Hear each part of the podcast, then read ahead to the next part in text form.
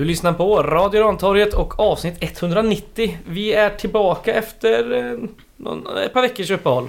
Mm. Lite sjukdomar och så. Ja, Kan drabba till och med oss va? till och med oss. Unga och friska i övrigt. Ja, ja, jag låg hemma och spydde som en kalv eh, häromdagen. Eh, men det ska vi inte prata om. Eh, men då skulle vi spelat in med vår gäst David Perhed. Välkommen! Tack, stort tack. Kul att vara här. Ja, roligt att ha dig här. Eh, jag heter som vanligt Fredrik Johansson, jag har inte bytt namn. Eh, och ni hörde också Joel Ottolo Kurren, han har inte heller Mm. bytt namn. Nej, jag är lite sugen faktiskt. Alltså, trött, på, trött på Joel nu. vad funderar du på? Fredrik såklart. Fredrik Ottolo Kurren. Ska jag byta till Joel då? Joel Johansson? Nej. Nej, jag känner Joel Johansson redan. Så det får du inte göra för då blir det jobbigt för mig. Ja, nej vi får skita i det. Vi ska snacka med dig istället David om eh, dels vem du är, vad du har för bakgrund och vad du gör eh, inom GAIS. Det kanske inte alla har stenkoll på. Och sen ska vi prata lite om föreningsdemokratin i stort. Och vad den betyder för oss och för GAIS styrelse till exempel. Som Mm. du får representera idag. Ja. tung uppgift, tung uppgift. Eh, Ja, men eh, det är lite kul. Jag minns när jag Många årsmöten, medlemsmöten, eh, lounge-träffar där jag liksom blir ombedd att presentera mig och det är liksom David Per Skövde eh, varje gång. Och han har bott här i fem år typ. Och nu Ja. börjar jag känna liksom David, 27 år, Göteborg. Ja, Eh, visst. det klingar nästan bättre liksom. Born and raised, absolut. Ja. Men, eh, Eh, och jag har jättemånga kompisar i Skövde men, men eh, nu är jag i Göteborg, jag är verksam här och jag kommer förmodligen vara där liksom. Så eh, jag förknippar ju väldigt mycket med det. Dialekten till trots, den är svår att bli trots. av med. Det kan jag också Ja, intyga. Men vadå, ni försöker väl inte? Nej, det gör vi inte. Hur mycket jag än gillar att skoja om din dialekt Fredrik så uppskattar jag ju, alltså jag, jag älskar ju alla dialekter, eller alltså dialekter som fenomen. Det Ja. är ju något väldigt vackert och fint i det. Så den tycker ni båda ska värna. Ja, det är bra. Ett litet medskick från mig till ja, det er. är bra. Vi, vi börjar där helt enkelt i, i Skövde. Du har ju varit verksam i eh, föreningen IFK Skövde. korrekt. Eh, som jag inte vet hur högt upp de har varit någon gång. Eh, det är nog högst nu, det vill säga division 2. Så pass. Eh, man har väl här- härjat mellan femman trean länge egentligen men, men fick in Charbel Abraham, han var i J Södra en sväng. Han, kom, han var i Skövde AIK för länge sedan, så var han ass i J Södra och så fick han inget nytt uppdrag och så för fyra, tre, fyra år sedan så kom han hem till, till Skövde och tog dem eh, fått upp dem till, till tvåan egentligen. Eh, men höll sig kvar i fjol då. Så det är väl någon sån här halvsatsning i en tuff konkurrens med, med Skövde AIK då som Mm. är liksom det stora laget lokalt. Hur är eh, rivaliteten däremellan? Den är ganska stark. Det är så? Herregud. Och hur är din relation till Jonas Lindberg till exempel? Fan, Säg som det är nu David, han ska bort från Gais eller? Jag ska säga så här. Jag, jag har eh, växt jag har vuxit upp med många derbyn mot Skövde AIK. Det har jag sannerligen gjort. Alltså, jag har många duster där och känner starkt. Men, men, men samtidigt så blir man väl liksom någonstans vuxen och eh, även om man känner starka känslor där så, så var ju både Jonas och Stefan Jakobsson de var ju för gamla när jag var liksom verksam. Just Så de var egentligen borta innan jag liksom kom upp och började Ja. känna saker. Eh, så, så det har jag inte. Men alltså det är så här, hellre död än röd och liksom. de, de, de hänger i liksom. Ja. Även om eh, jag är inte direkt liksom inne och skriver hatgrejer på deras Instagram. Så, men, eh, det känns fortfarande. Hur länge var Jonas Lindberg i Skövde AIK? För han är väl ändå inte... Han är väl född i Kortedala, uppvuxen i Falköping va? Ja, något På sånt. tal om Slätta också då, eh, såklart. Ja men gick han till Gais, vad var han då? 20 eller 19? 19 kanske eller? Är han lika gammal som Johan Mårtsson men kom ett eller två senare och Mårtensson kom när han var 18? Ja, så I alla kan det nog vara, ja. Det vet ni bättre än mig. Ja, kommer inte ihåg exakt. Men också en härlig, det var när vi skulle ha Skövde AIK som samarbetsklubb så det. vi lånade väl ut Johan Just det. Pettersson och eh, Johan Rundqvist och var det två till som där och provspelade med dem Okej. eh, på något... eh, Nu någon snackar sån- vi 29-2010-ish eller? Ja, 28 till och med va? Till och med det. Eh, ja, eller sam- själva samarbetet nog då kanske 29 Mm. eller 2010 till och med. Ja, strunt samma. Eh, det ligger på historiens Ja, det hylla. gör Tack och lov. Ja, vi kommer väl eh, återkomma lite till eh, Myggan och, och så alldeles strax. Jag tänkte bara, eh, Skövde AIK, där har du varit både spelare och eh, ungdomstränare va? IFK. Eh, Sumpade förlåt. direkt där. Ja, ja, där. Ja, jag, jag, jag spelade där tills jag var 18, skadade mig. Jag gick fotbollsgymnasiet i Skövde. ja. hade lite problem med, med skada liksom, som hängde i. Jag fick frågan från en herre, Anders Lind, att han är väldigt verksam inom fotbollen i, i Skövde. Mm. Men jag ville bli ledare, hamnade som assisterande till P16 och så hängde jag med dem 17-19. Eh, Fick komma tre i Gothia bland annat. Det Oj. händer inte ofta i Skövde liksom. Eh, Så det var en ganska duktig årskull. Eh, Men sista året här när jag hade U19 i någon sån här regional serie som Guys förhoppningsvis kollar sig uppifrån nu då, liksom, när Mm, de är i Superettan. Allsvenskan. Då, då började jag plugga i Göteborg. Flyttade snart eh, och då slutade jag vara ledare egentligen. Men så hade jag väl parallellt med andra ledaråret eh, fick jag väl styrelseuppdrag. Jag satt fyra år i styrelsen där Mm. eh, totalt. Eh, så det slutade någonstans 2020-2021 där. Då hade jag flyttat till Göteborg så då var jag inte jätteengagerad. Men jag var kvar där. Ja, då kunde du vara kvar i styrelsen i alla fall. Eller lite grann i alla fall på Det är väl... Eh, distans. ja, det är väl ganska begränsat arbete. Man gör ju vad man vill egentligen eh, där och man gör det vad man gör det till så att säga. Mm. Eh, men men det, ja, jag var kvar tills jag... För då eh, kommer vi in på det här med Skadevik Cup va? Som är Skövdes... Eh, Skövde stolthet! är det så? Jag trodde Skövde AIK var Skövde stolt. Inte bara Nej. Skördefestivalen utan Skadevik Cup Ja, dessutom. ja, det är Matfestivalen, det är Skadevik Cup. Eh, kanske något mer. Helt okej upplevelsebad har de väl. Ja. Ja, Skitsamma. Eh, Skadevik Cup är ju en gammal cup både på handbolls och fotbollssidan. Eh, Jaha. jag kan faktiskt inte historien. Någon frågade mig en gång var namnet kom ifrån och jag fick fundera länge och fick någon, någon föreläsning som jag inte kommer ihåg. Men någonting Skade, någonting Skövde, Skara, Borg-aktigt Mhm. koppling i alla fall. Alltså Skitsamma. någon ordvits med s- Någon variant. Eh, Mhm. Där ska jag ta reda på för det är sånt gillar ju ni, det vet man. Ja, det vet Jaha. man ju. Jag trodde det var något typ Men- försäkringsbolag eller något. Ja, nej. Oj nej det tror jag inte. Eh, Men, men ja det är 40-50 år funnits. Jag började engagera mig som man gör när man är i Skövde Fotboll som hela föreningen gör. Ungefär som ungdomssidan gör. Mm. Guys Open Go Fotboll idag. Eh, Blev mer och mer, fick ansvaret, hade det i styrelsen. eh, I några år och drev väl cupen i några år. Var lite anställd någon sommar och Mm. mycket cup egentligen. Ja. Och det var... eh, Nu ska vi hoppa fram lite då till, då blir det 2021. Eh, för på årsmötet där sen så blir du ju invald eh, som suppleant i början va? Eller, Ja. Och det är ju Anders Björklund som har eh, fiskat upp dig någonstans. Ja, det var, ja. Det, jag förstår att den var lite från ingenstans liksom. Eh, men det var Anders som hörde av sig. Han smsade mig när jag flyttade min syrra och så här, i december typ. Eh, då, då frågade han och så skrev han någonting i stil med att han hade fått mina uppgifter från Stefan tror jag, Jakobsson. Just det. Mm. Och eh, ville träffas och sen på den vägen var det egentligen. Eh, ja.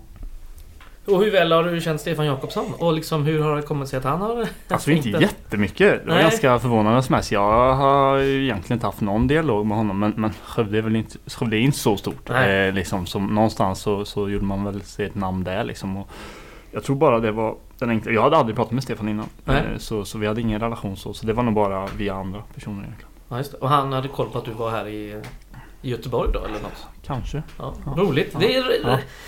Konstiga vägar men Konstiga eh, vägar, ja. det är vi tacksamma för. Ja, ja, men det är en eh, halvovanlig process. eh, Mm. För, eller så här i alla fall då. För ibland kommer det ju folk in i styrelsen som man hör, ah, detta är en jättebra ekonom. Så, ah, men så här, är det en Gaisare då? Ah, kanske inte.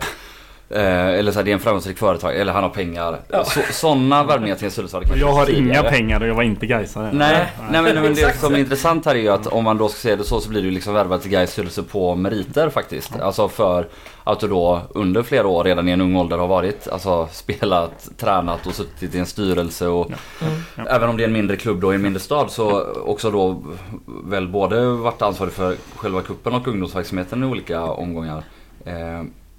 Och nu sitter vi väl halvt med ett några år senare och, och, och, och liten succé i alla fall. Eh, Men. Borde man göra så här oftare? Eh, när vi kollar på folk i styrelsen. Eh, alltså att man liksom letar efter efter folk som inte nödvändigtvis är så mycket gaisare eller som inte är det alls. Men som kanske däremot har alltså en förmåga eller en kompetens som vi saknar. Mm. Eh, korta svaret är nog ja. Det utvecklar, eller det är nog svårt. Alltså det, vi pratar om ideellt arbete och vi pratar om ganska mycket tid man behöver Ja. lägga för att alltså framförallt komma in i en förening. Mm. Eh, jag känner ju nu tre år in att jag kan ta beslut baserat på, på kanske vad jag vet och erfarenhet liksom, i guys. För första året liksom, då, du, du har så mycket nytt att sätta in i. Så är det alltid. Men när det dessutom är på en ideell basis då kanske du inte kan liksom sätta tid privat eller på lite arbetstid. Liksom. Men du måste, måste lägga mycket tid vid sidan av. Jag hade fördelen att vara student, kunde lägga väldigt mycket tid och när man har lagt väldigt mycket tid då, då kan man ofta ta bättre beslut. Men skitsamma, det var inte din fråga. Men, men jag tror att Föreningsliv är ju speciellt alltså. Mm. Eh, Och styrelsearbete i en förening är också ganska speciellt. Liksom. Det skiljer sig ganska mycket från företagen som, som man kanske tittar på väldigt mycket idag. Mm. Alltså, jag kan inte historiska styrelsearbete liksom, men jag tror att personer som kliver in i styrelsen måste vara medvetna om vad det innebär. Mm. Och det kanske man inte alltid gör genom att liksom ha, ha ett möte utan man måste faktiskt ha varit i en förening liksom, Mm. och stått i en kiosk och serverat korv, typ. Mm. Eh, Mm. jag, jag, alltså, det finns man behöver nog olika typer men jag tror väl att det är bra att ha en del personer med sån erfarenhet, ja. Mm. Eh, ja.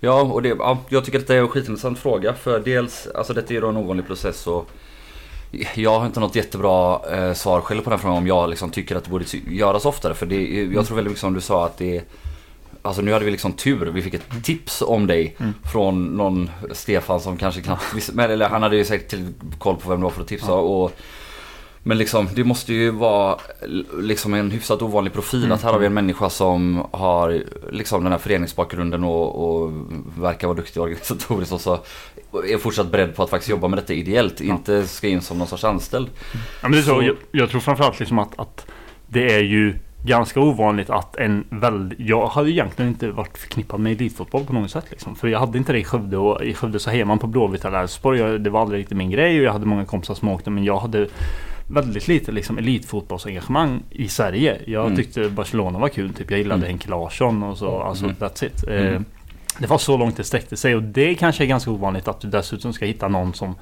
som inte liksom är väldigt engagerad. Och är Mm. du, du behöver nästan vara väldigt lojal för att vara i en förening. Och Mm. är du lojal då kan du inte hoppa runt mellan lag. Liksom. Mm. Så, så det blev ganska... För mig blev det bra för det blev också en väg in i elitfotbollen och det fanns ingen konkurrens. Men, men det har nog många andra kanske i en liknande situation som Mm. hejar på något annat lag. Liksom. Mm. Ja, just det. Ja, du var inne lite på det också men vad, är den största skillnaden mellan föreningslivet och företagarlivet? Eller, liksom- eller mm, dåligt formulerad fråga. Eh, inte vad, ja, men vad, vad är det viktiga med att ha stått och serverat korv ett antal gånger? Varför, varför behöver man ha en förståelse för föreningslivet i de här rollerna? Varför är, varför är det viktigt? Varför kan vi inte bara ha 13 ekonomer i Gais styrelse? Mm. Ja, nej men alltså det är klart att det varierar väldigt mycket på hur man tittar. Föreningslivet är enormt. Alltså idrottslivet är en del av föreningslivet liksom. Men, men, men, läste någon rapport om att eh, det var typ 50% av Sveriges befolkning som engagerar sig ideellt. Liksom. Ja. Alltså vi är 4-5 miljoner människor. Ja. Värde så här 160 Enormt. miljarder. Det Ja. Helt sjuka summor. Ja, Eh, och jag kommer inte ihåg siffran nu men det är också så här, alltså om man räknar, väldigt många är engagerade i flera olika föreningar. Mm. Så jag tror att genomsnittet, ehm, jag tror att det är eh, två och en halv förening per person eller något som, alltså Ja. att vissa är ju med i sju och vissa är ingen ja, men ja, eh, ja. så ja, föreningslivets styrka är enormt. Ja, vi kommer kanske in på det sen. Det är ju Sveriges fina, fina Sverige så. Men, men eh, jag tror väl att om man liksom tar det i beaktning och sen kan man klart man kan jämföra med en förening så att säga. Som Malmö FF har 7 miljoner i eget kapital och omsätter 600-700 miljoner. Alltså Mm. det är ju föreningsliv på ett sätt men det är ju också kanske alltså Tidaholms GIF för division 4 i Tidaholm liksom. Och, och det skiljer sig åt. Det ideella arbetet varierar väl också men det är någonstans kärnan till, till föreningslivet och man kan inte man kan kanske inte ställa samma krav när en föreningsverksamhet styrs av ideella människor. Mm. Eh, jag kanske inte kan ha krav på Radio Rantorget även om jag hade kanske velat ha det. För det kanske är två gubbar Det är som... klart ska. Jo men ni, ja, ni förstår vad jag menar. Ja. Det, det, det är lättare när du har en hel, heltidsanställd person och liksom sätta en arbetsbeskrivning och jobba med målsättningar och, och, och när, beroende på hur stor man är så får man också liksom förändra styrelsearbetet. Det blir ju i grund och botten så, så ska du ju... Du, ett ideellt arbete, du ska ju kanske budgetera med noll, noll kronor i överskott. Eh, Mm. sen i Allsvenskan idag behöver du bygga kassa, så då kanske du egentligen ska ha ett överskott. Men du, du har ju inte ekonomisk tillväxt nödvändigtvis som det första målet. Du ska nå sportslig framgång, men du försöker med ganska små medel och små förändringar liksom ha en kontinuitet. Mm. Mm. Eh, du kan inte ta in massa medel eh, ja, sl- slash, inte jättemycket i alla fall om du inte ska runda någon, någon regel. Eh, och, och anställa och expandera och jobba mot nya marknader. Det är klart att vi kanske kan få jättemånga indier till guys. Det är väl jättebra liksom. Men det är kanske inte samma sak som om du har ett databolag i liksom, Göteborg. Eh, Så du, du, du jobbar i en medlemsstyrd organisation. Eh, du har förhoppningsvis svensk publik som liksom din målgrupp. Som du jobbar för. Som jag tar beslut för medlemmarna. Samtidigt så, så ser du kanske att idrottandet minskar lite i Mm. samhället. Eh, många verkar ju vilja engagera sig ideellt fortfarande. Men, men föreningsidrottandet minskar ju liksom. Och, och fler individuella idrotter tar mer och mer plats. Många gillar att träna själva och när det sker då försvinner många ledare och då minskar kanske medlemmarna även om vissa Mm. medlemsantal har gått upp. Men i alla fall i de mindre klubbarna. Så du ska liksom plisa de du har samtidigt som du ska nå en målgrupp som kanske inte finns. Mm. Eh, och det kanske är så i alla företag också men jag tror det är lite speciellt i föreningslivet för du gör det också med enormt små medel. Liksom. Mm. Ja, och det är ju extra speciellt i en elitförening. Här, nu har ju även fot- eller framförallt elitfotbollen, eh, ja, även eh, i viss mån breddfotbollen professionaliserats lite eh, Mm. de senaste decennierna. Men alla föreningar rör ju sig ständigt mellan eh, kaffe och korvkokande föräldrar Mm. och ändå, och, ja, men i vissa fall liksom en mång, mångmiljonindustri. Eh, Mm. Absolut. Ja, det är en väldigt speciell värld vi rör oss i. Men eh, innan vi fortsätter och prata ännu mer om det vackra Sveriges föreningsliv och så, så, så tänkte vi ändå fortsätta lite eh, med vad du mer specifikt gör inom Gais. Ja. Eh, för även om du, som du själv var inne på också, har presenterat på x antal eh, möten och, och några gånger på hemsidan. Mm.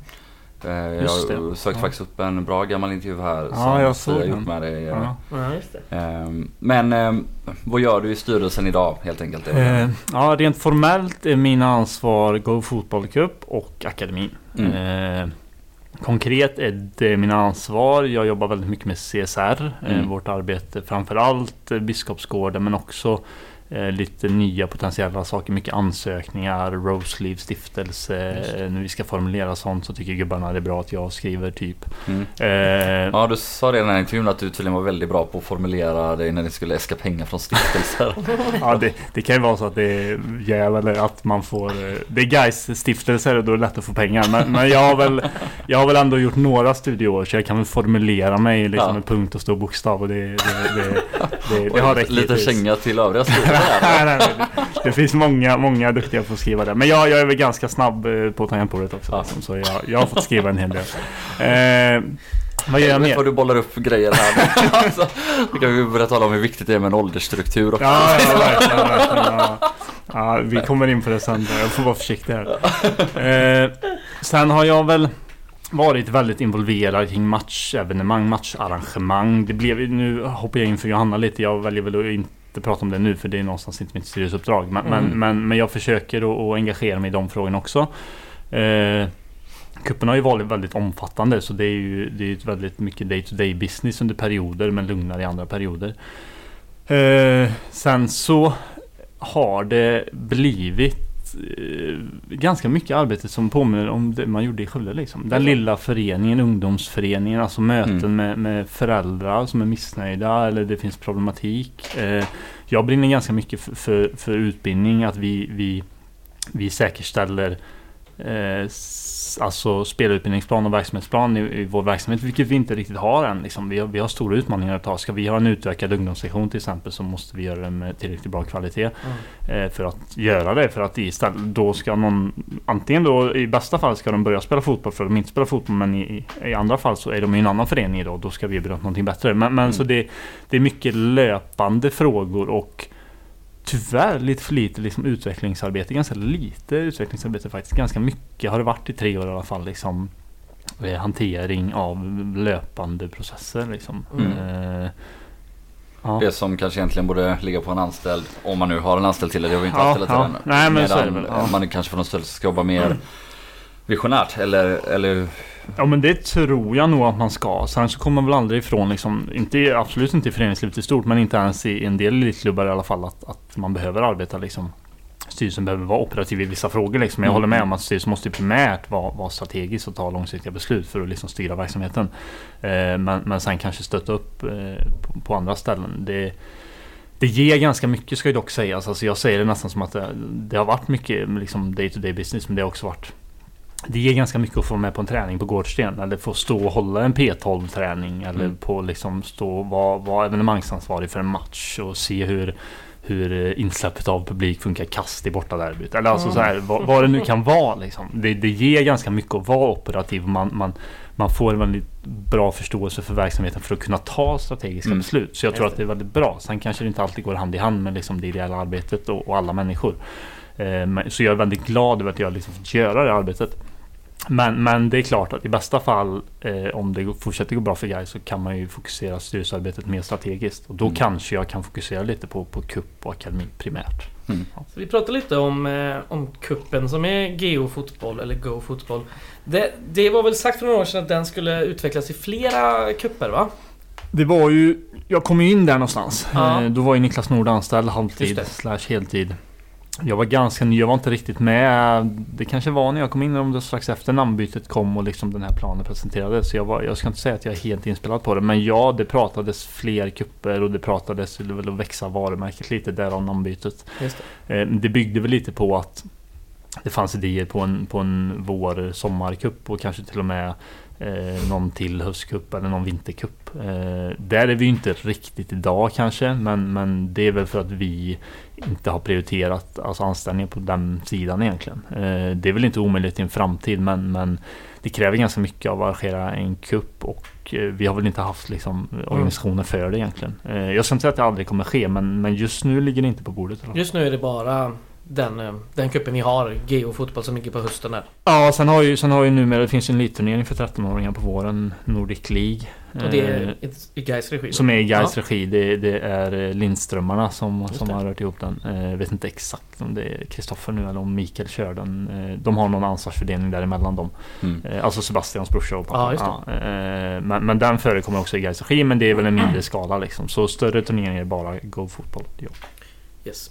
Vad eh, senast... eh, De ligger ju varje år eh, på sista omgången vad se- serien, eller de senaste två åren. Ja. Det är ju ett jävla gissel ändå. Det är ett gissel. Alltså, det var ju, jag var ju inte i Jönköping då av naturliga skäl. Jag stod där med Povel, nya klubbchefen och Sebastian. Fy fan. Ja, jag satt i en minibuss på väg till Härlanda Park. Jag skulle hämta sopor och fotbollar. Ja, Mm. det gjorde jag och så hade jag mm, ja, sändningen på så. Men det var det var fler som var där ska sägas. Men det är väl eh, också fantastiskt kul att det är så. Att, Mm. vi liksom, att föreningen är så pass bred att vi inte ens kan ha hela föreningen i Jönköping när vi går upp till Allsvenskan. Ja, det vi har- säger en, del ja, eh, andra saker som finns också. Men eh, den ligger lite dåligt till. Det var ju samma sak. Eh, frågan är om det inte var... Låg Lund verkligen samma... För jag har för mig att jag bommade Eh. Malmö hemma sista. Ja, ex, exakt. Ja, det är ju de näst sista eller sista brukar det Ja, precis. Så jag tror det var Just när det, det var ju näst sista Jönköping. När det Ja, var förlåt. hemmamatch eh, mot IFK Malmö då, i sista omgången. Den bommade jag då, men, men ja. Mm, eh, precis. ja det. Eh, hur, ehm, hur har det gått 2023 med, med GO fotboll? Mm. Eh, jag backar tillbaka lite för att ge perspektiv. 2021 var ju Niklas Nord anställd. Det var efter pandemin. Vi var enda kuppen som fick genomföras. Väldigt högt anmälningstryck. Eh, drog på oss en del kostnader som ja, kanske i efterhand var lite onödiga. Men vi gjorde något, någon miljon i resultat och det var väl sådär jag kommer knappt ihåg, var det 200 lag kanske? Mm. Eh, året efter eh, betydligt sämre resultat. 100 plus kanske. Det var inte betydligt mer. Eh, var vi nere på 130 lag. Eh, men fick väldigt bra betyg. Eh, Mm. Första året fick vi väl mittemellan ska jag säga. I år så landar vi på lite sämre betyg men gör förmodligen runt miljonen i plusresultat. Sen Mm. kan man alltid allokera löner och, och vissa saker på olika sätt men, men ungefär. Ja. Eh, Så det, det är ett ganska bra ekonomiskt resultat för att vi har egentligen lika många övernattande som i fjol. Eh, I fjol så, så prissatte vi och så hände väldigt mycket räntehöjningar, inflation, vi, sjukt i mat och drivmedel och hotellövernattningar. Eh, nu hade vi möjlighet att Många avtal gick ut, vi kunde förhandla nytt, eh, nya leverantörer, vi kunde min, vi kortade ner en dag. Eh, vi hade en lite mer prissättning och vi eh, kunde, vi tog lite höjd för det liksom, i god tid. Så då gör vi ett bättre resultat. Men det finns ju målsättningar att- dubbla det resultatet liksom. Men det kräver ju fler övernattande lag. Det är ju Mm. det korta svaret. Och det, det är en utmaning. Det, det, för, för göteborgare är det ganska naturligt att spela fotboll på höstlovet. Det är det inte överallt. Liksom. Nej, alltså, man spelar handboll eller innebandy eller vad det nu kan vara. Ska vi, handboll går ju alltid den samma helg för övrigt. Mm. Eh, så det är liksom De har ju 400 lag liksom, eh, som spelar handboll. Så det, det, är, det är kanske en utmaning att nå fler lag men det bör gå. Vi måste m- men vi måste satsa mer på det. Liksom. Hur många lag sa du att det var anmälda nu senast?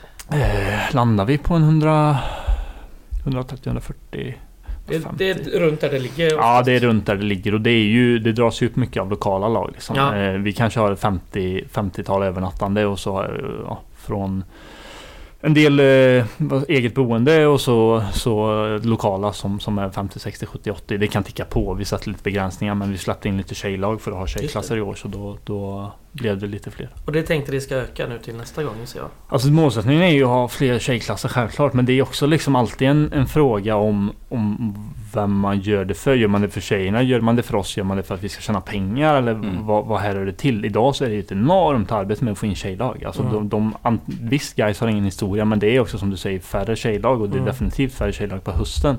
Som vill åka och komma till terrängen till Göteborg. Så, så ja, vi har en målsättning att göra det men vi måste nog arbeta hårt med det för att komma dit liksom. Mm. Vad är det som behövs för att fortsätta utveckla den då? Att vi egentligen anställer någon igen? Eh, Så här, jag, jag föredrog för styrelsen hur det gick resultatmässigt senast och sa väl att alltså jag, jag ser inte att det är prioriterat att ha en heltidsanställd som jobbar med kupp. Alltså det finns betydligt fler delar som är eftersatta liksom som Mm. man behöver jobba med. Som jag tror gynnar större delar av Gais. Däremot så, så behöver man börja titta på vägar och man kanske kan komplettera det till en ledare eller till någon Mm. annan som ungefär som vi gör idag som vi har gjort med, med ungdomskoordinator och. Sebastian Törnqvist eller Mm. spelarutvecklare som Alexander Andersson är, you name it liksom. Mm. Yusuf har, eh, tar, har NIO-verksamheten. Det, är- det är ofta så man får jobba liksom när man ska utöka personalen på akademisidan. Det behöver vi jobba för det är för mycket day-to-day business för att liksom eh, kunna jobba med utveckling också. mm. Eh, men vi måste, vi måste sätta en tydlig strategi. Vi måste i någon mån avsätta resurser som kan jobba med det. Jobba hårt med marknadsföringen liksom. Mm. Eh, men vi måste nu också få fler och fler att engagera sig liksom, och ha ett bra genomförande. Vi har ändå, Gais har ju liksom, har haft innan jag kom till Gais också, ganska upp och ner liksom. Vissa Mm. år är jättebra, vissa år är ganska dåliga och resultat, alltså det, det varierar ganska mycket och ska du liksom locka lag på lång sikt då behöver du veta, du vet vad du kommer till, du vet vad Mm. du får ungefär. Eh, Det är ändå, folk betalar liksom 4000 per gubbe liksom. Eh, Mm. Om du bor på hotell, då vill du ändå veta att du får en viss kvalitet liksom. Så vi behöver vi behöver några år, vi behöver kontinuitet, hur tråkigt den låter och Mm. liksom ha, ha, ha en bra kupp. Eh, då tror jag att vi kommer växa. Men det har inte varit något, eh, i alla fall de senaste åren har det inte varit något liksom, eh, negativt resultat. eh, I alla fall ekonomiskt. Men det, som du säger, de här eh, omvärldslägena har ju absolut inte gynnat. Och det är väl mest lag, alltså Dels Sverige men även liksom Danmark, Norge va? Ja men så är det. Vi, vi hade väl ett finskt lag i år. Mm. Eh, hade vi ett danskt, två, ett par norska tror jag. Eh, bland annat norska flicklag, det var kul. Eh, så de kanske har bättre läge om man kollar på svenska kronan liksom. Men, men, men det är väl inte världens bästa läge samtidigt. Alltså, jag, ska bli handboll som jag pratade om hade väl rekord. Gothia Cup tror jag slog rekord i år Ja. på, på antal. Så, så det är, ibland kan det vara för lätt att bara säga ja men ränteläget är tufft. Det är ju marknadsföring liksom. Alltså, varför vill folk åka till Gothia Cup och inte till Gais Open? Ja det kan ju finnas många skäl kanske. Men, men, men liksom Ja. om man tittar på det, man, man får nog inte bara se sig blind på och konstatera att det är dåligt i läge utan Nej. vi har liksom jobb att göra. Mm. Men det är också en, en kupp i början av november i, i Göteborg. Det är inte jättegött väder. Nej så är det, så är det. Så är Och då ska man också på tal om kontinuitet med sig att Gothia Cup gick ju dåligt i jättemånga år Ja, som ju ja, alla, alla guys är mycket väl medvetna om. Eh, Innan man liksom lyckades nå, alltså nu kanske Geo fotboll aldrig då kommer bli världens största ungdomsturnering liksom. Nej. Den potentialen finns nog inte i Göteborg på hösten den och sådär. Nej, Men, nej. men det tog ju ändå tid att få, det, har ju tagit, det tog ju mycket längre tid att få Gothia till en etablerad relativt stor för, ehm, turnering. Ja. ehm, än, än vad Mm. vi har varit inne på nu. Så, Mm. Och då Ja. går det ändå redan rätt bra. Ja, det går ju redan bra- positiva resultat så att säga. Så det är ju jätteintressant. Ja. Eh, vi hade ju inte för så länge sedan eh, Sebastian eh, här från, från akademin Mm. som är akademiledare. Eh, och det har ju varit den här certifieringen har ju varit Mm. eh, nu. Och jag vet att du har varit lite inför det tidigare va? Mm. Är Ja, du det men, fortfarande? ja, så det, i år ska jag verkligen inte ta något från Sebastian. I år har det varit, aldrig varit så lite som det har varit i år. Men ja, Ja. det har varit en grej som jag har jobbat med också. Ja, Ja. Eh, och, Eh, ja nej, men eh, det kom ju, det var en stjärna. Det var eh, under målsättningen som vi hade på två stjärnor. Mm. Långsiktigt är ju definitivt tre stjärnor. Det är, certifieringen är ett jättebra verktyg för att mäta vart vi står.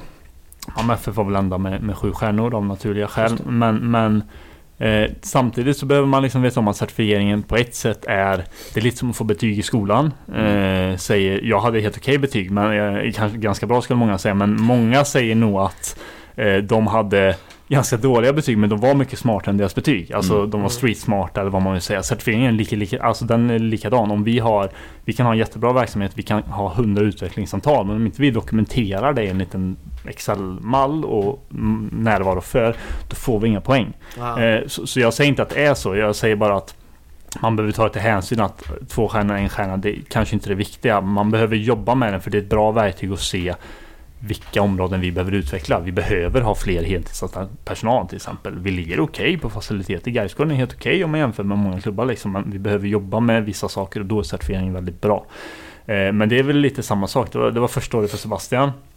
Eh, mycket nytt. Eh, han har säkert lärt sig väldigt mycket och kommer fortsätta att jobba med det. Liksom. Men, men där behöver vi också liksom hitta personer som kan arbeta med, med utveckling av, av, flera grejer egentligen. Certifieringen täcker ju in allt. Det är ju sjukt egentligen. Mm. Ja. Jag hörde också det. Det är ju en stor del av de här poängen man får är ju hur många från akademin som sedan har tagit sig ut till liksom elitfotbollen så att säga. Mm. Och där eh, som BP ligger ju extremt högt mm. i sin mm. rating och de har ju De har ju spelare lite varstans i Europa och i de allra högsta ligorna. Så jag mm. menar, Vi är med snart. Snart ja, exakt det jag vill komma till. Det, det tar tid. Exakt. Så, så, jo men det tar tid och det är liksom sen så är det väl Jag kan väl ibland uppleva att folk liksom över de pratar om det som att det är därför Malmö FF BP har höga poäng och det, i viss mån är det ju det men, men du har ju ändå 10 betyg liksom och du har maxpoäng inom varje ja, område. Exakt, så exakt. det mm. finns ju väldigt många andra områden de är väldigt bra på som vi också behöver bli bättre på. Så ja. det. Och det får man väl ha i, i åtanke. Jag såg på, när den här kom ut, så såg jag på um, sociala medier bland annat att Folk eh, var lite raljanta och kolla här vilka lag det är som ligger före oss med akademier typ mm. Mjällby och vad det nu kunde vara.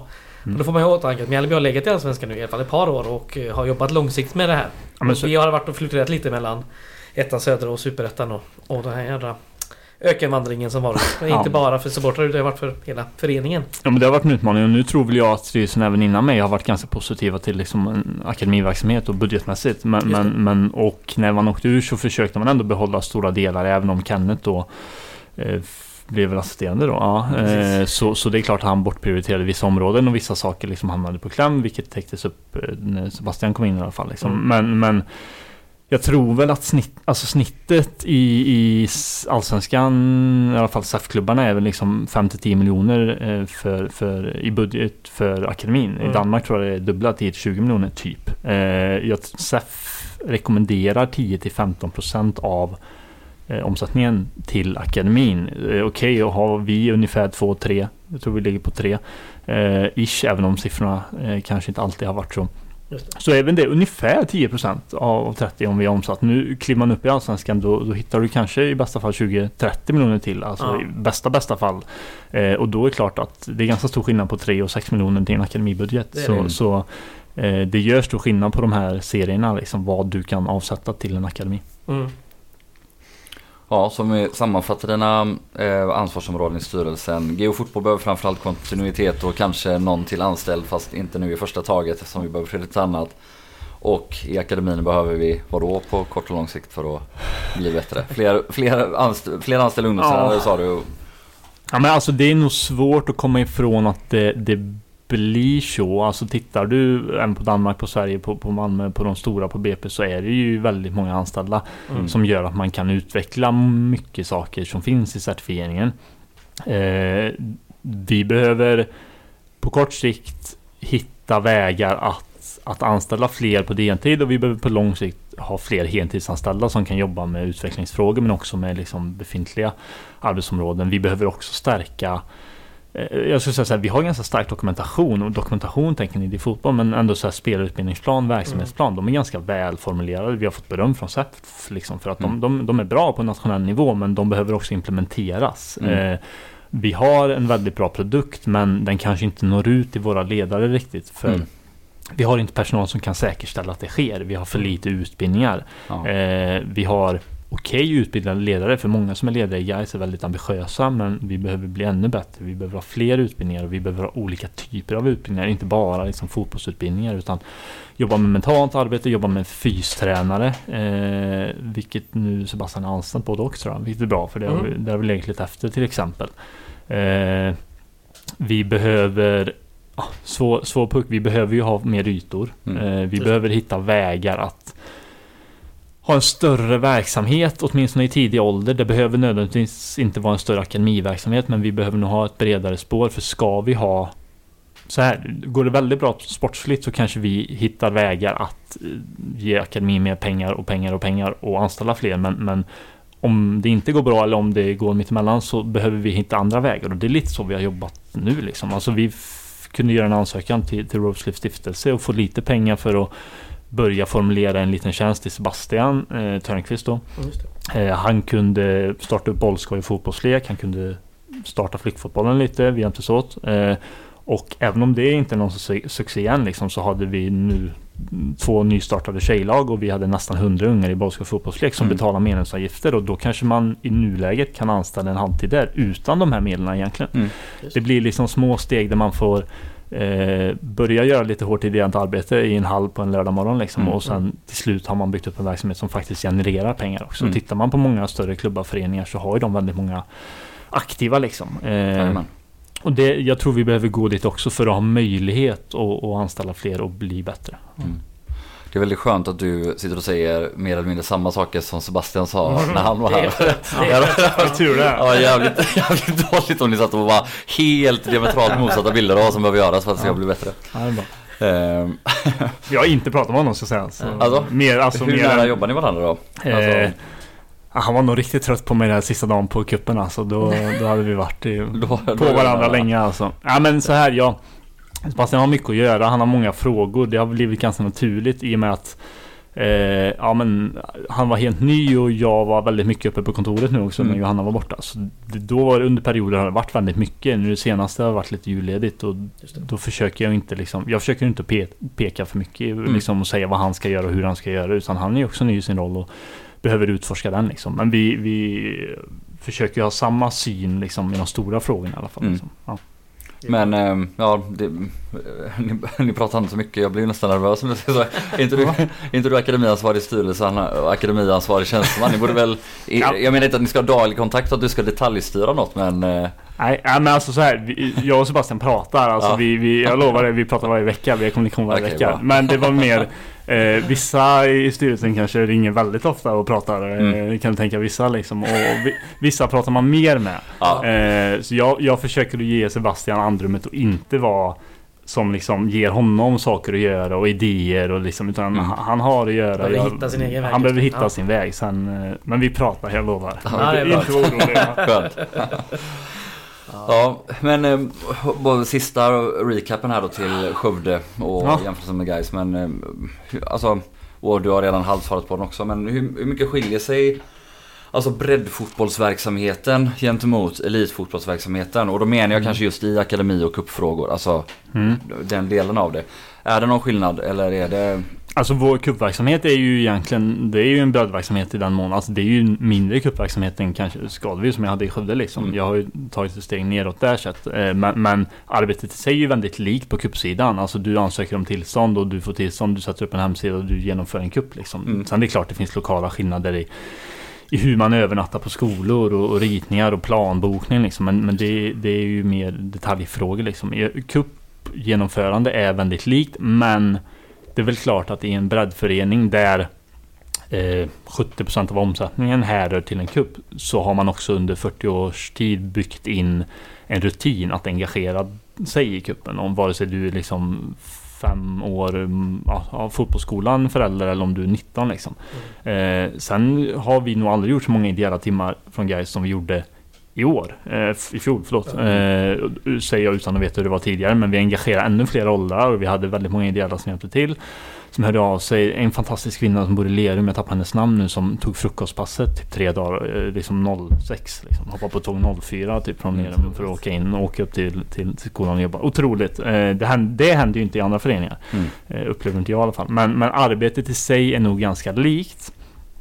På ungdomssidan så så är väl framförallt certifieringen och eh, väldigt ambitiösa föräldrar som är närvarande den stora skillnaden. Mm. Eh, fotbollsträningen är väl i viss mån liksom bättre. Samtidigt så, så eh, är den väl så här på, på historiskt för 3, 4, 5 år sedan så, så kanske inte Gais riktigt var på nivån man ville med 19, 17, 16, 15. Liksom på, på den nivån kan kanske en breddklubb befinna sig.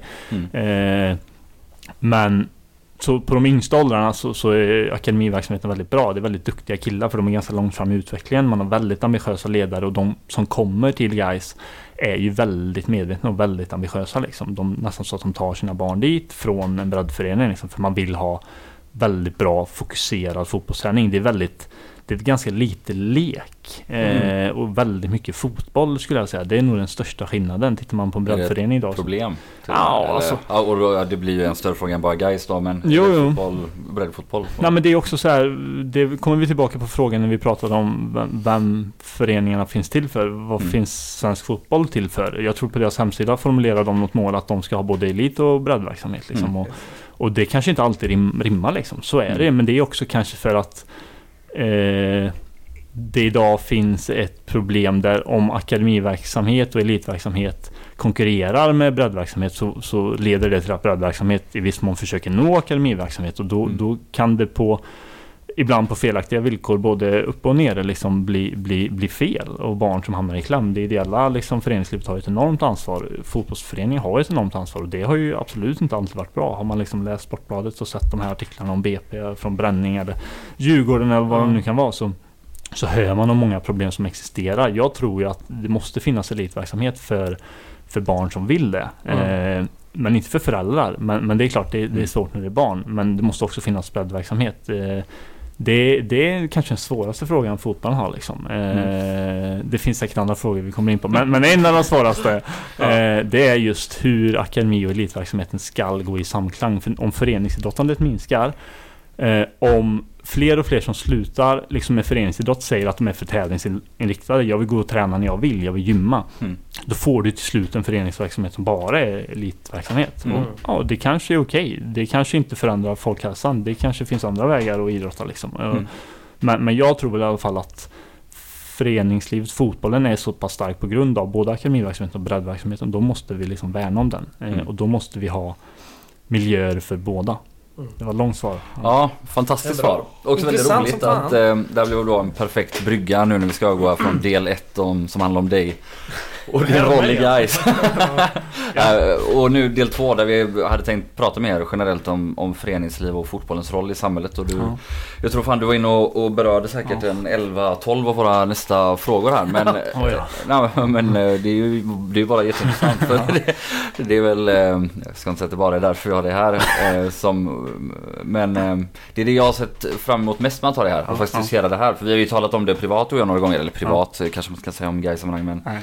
Men om vi ändå börjar i den änden. Mm. Eh, en av alla de här ändarna du bollar upp för då. Men, eh, men vad, du får gärna bli personlig här också då. Men vad, vad, vad anser du liksom är eh, fotbollens och idrottens och föreningslivets roll? Eh, du kan välja en av dem eller alla tre för de sitter ju ihop. Men, mm. men vad, vad är dess roll i samhället?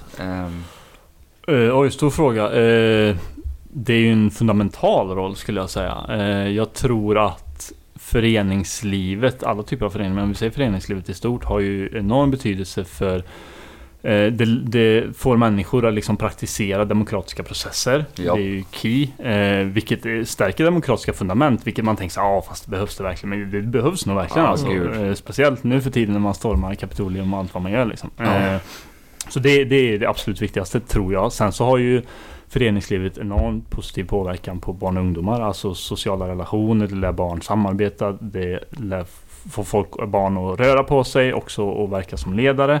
Eh, folkhälsan touchade jag precis men alltså eh, minskad isolering, minskad psykisk ohälsa förmodligen på grund av att du faktiskt rör på dig. Mm. Även om det kanske primärt är barn och unga som gör det i föreningsverksamhet. Jag tror att eh, integrationen. Eh, så här, jag tror att om man ska lyckas med att minska segregationen så behöver man föreningsliv. Sen är det inte så att föreningsliv per automatik leder till en lyckad integration. Det, det, det, blir ibland så att man tänker så, så startar man upp ett fotbollslag i liksom Biskopsgården och sen är de i Biskopsgården så med, med ledare från Biskopsgården och då, då kanske du inte har liksom integration. Eh, men, men du kan i alla fall, du skapar en plattform för olika typer av grupper att mötas. Eh, vilket de inte hade gjort annars. Så jag tror att det, det är väldigt viktigt för det. Eh, jag tror också att det, det, skapar enorma sociala relationer mellan människor. Eh, du får lära dig att samarbeta. Du får gemenskap. Eh, du får utveckla ditt nätverk det touchar väl på, på ideellt arbete kanske. Nu kommer jag ta en annan fråga ni har berört kanske. Men, men man, jag har läst någon studie när man pratar om varför folk alltså, engagerar sig i föreningsliv. Varför gör Mm. folk det ideellt? Och så, så ser man ändå ganska liksom, övergripande att folk Folk känner att de gör någonting bra. Liksom. Alltså, Mm. Det är jätteviktigt för många människor i Sverige idag att liksom känna att man faktiskt bidrar till samhället. Framförallt äldre men också många yngre. Liksom. Mm. Eh, och Det är någonting som man kanske inte kan ta på. Man kanske inte kan prata liksom, om, om det som en samhällsfaktor. Men jag tror ändå att mår människor bra, de har liksom demokratiska eh, fundament i bakhuvudet och sen känner de att de sociala relationer liksom var lyckliga. Då har man kommit ganska lång väg. Mm. Eh, finns säkert många fler men det är väl de jag tänker på. Så här på rak arm. ja det är ett gäng. Ja. Nej, men jag, nu blir det ju så här backscratching podd här verkligen då. Men jag är ju så himla mycket inne på samma. Att Ja. Det är helt fundamentalt i samhället. Och jag tycker liksom att föreningslivet är ehm, den största och viktigaste delen av det som man ibland lite slarvigt kan nästan tycka. Eller jag tycker att civilsamhället är ett så, så vagt begrepp. Mm. Eh, och jag tycker liksom att, eller om man pratar om civilsamhället så är det kanske framförallt föreningslivet man, man menar. Alltså det, det ingår lite mer där och det, jag, jag menar inte att förringa andra delar som eventuellt ingår där och så men, Nej. men jag tycker verkligen att föreningslivet har en unikt, eh, både, både en unikt stark roll och därför en unikt viktig roll men också liksom ett helt, eh, eh, alltså en, en unik position att utnyttja just för att man då både kan göra alla de här sakerna, alltså man kan verka demokratiserande, man kan verka eh, eh, för integration och utbildning och eh, folkhälsan och, och, och alla de här går ju in i varandra och eh, det är svårt att liksom särskilja dem. Men vi har ju också större förutsättningar än alla andra eftersom vi, alltså då som föreningsliv, vi kan engagera alla som gillar fotboll, vi kan engagera alla som gillar att ha en bokcirkel, vi kan engagera alla som gillar eh, att måla någonting eller vad det nu må vara. Därför Mm. kan vi potentiellt nå ut till många fler än de som kanske är intresserade av att lära sig demokrati på något annat sätt eller bli integrerade i skolan som du kanske inte heller blir nu för den på grund av ett fritt skolval där alla sitter fast någon, någonstans och alla som har råd går i en, i en friskola. Så vårat, vårat ansvar som eh, förening och, och som fotbollsrörelse och, och som folkrörelse tycker jag liksom är att försöka verka för alla de sakerna och att, eh, ja, att vi faktiskt har möjlighet att göra det mycket mer än eh, vad många andra rörelser eller vad man nu ska kalla, kalla det är. Och då guys som en liten atom i detta Mm. stora nätverk. Eller, eller nu är ju faktiskt guys inte så jäkla litet då. Eh, Men eh, Ubbults IF som jag eh, började spela fotboll i är kanske det. Eh, Mm. IFK Skövde är lite större än det och sen guys större än det i sin tur. Mm. Eh, och det här var egentligen nästa fråga då på ett sätt. Alltså vilken roll eller vilken roll kan föreningslivet ha, vilken roll bör det ha? Men jag tycker liksom att det både kan och har ett ansvar att ta den här rollen i samhället. Eh, sen eh, är det återigen som du säger, fotbollen ensam eller föreningslivet ensam kan inte bryta segregation. Det krävs eh, hundra andra åtgärder och det, och det gäller alla de här frågorna. Eh, Det är aldrig bara, men vi har en helt vital och avgörande del i det. Mm. Ehm, och om vi då som representant för Gais styrelse får vad, vad är Gais? Eh, Vad gör vi i detta? Ehm, vi har ju våra CSR-arbeten som vi känner till. Vi Mm. har såklart då Alltså en ungdomsverksamhet och, och gå fotboll och sånt men, men vad gör guys eh, idag eh, inom allt det du och jag nu har suttit här och malt om? Eh, Eh, och vad bör vi göra? Och bör vi göra ännu mer? Mm. Jag tror definitivt, eller vi bör, vi, vi ska nog göra ännu mer och, och jag hoppas att vi gör det framöver. Någonstans mm, när jag kom in där så benämnde vi för första gången det man, när man pratar om eh, livscykler, liksom från vaggan till graven i, Mm. i Gais. Eh, det behöver kanske inte vara i, med, på Gaisgården men, men det var väl då vi introducerade gåfotboll. Eh, Det var då vi började med bollskoj och fotbollslek. Vi gick ner till liksom fyra år, så nu kan du spela fotboll i teorin från att du är fyra till, till, ja, till hundra typ. Eller ja, är du hundra in får du spela fotboll också, men, men ni fattar principen. Mm. Eh, Det är bra, men det förändrar kanske inte samhället. Eh, Jag tror att vårt arbete i Gårdsten, som alla vet om, är ju viktigt för samhället på ett annat sätt. Att vi lyckas starta upp en gång i Biskopsgården är bra, men det behöver bli ännu bättre. Vi hoppas 2024 kunna Eh, starta upp även i norra Biskopsgården. I bästa fall kan man till och med få, få folk från olika delar av Biskopsgården att träna tillsammans, vilket inte alltid är liksom helt oproblematiskt. Men eh, vårt CSR-arbete, om vi pratar om integration, är ju eh, Eh, ganska fokuserat på de sakerna vi gör där. Just för att vi försöker jobba med kontinuitet. Så här, Gais A-lag med flera är ju ofta och kanske gör besök på skolor och hos andra föreningar och det kanske man inte ser så mycket av. Det är mer engångshändelser. När vi pratar kontinuitet vilket jag tror är viktigt. Då är det framförallt Gårdsten och det är framförallt Biskopsgården vi är idag och vi kanske kommer verka om vi kollar på kort sikt.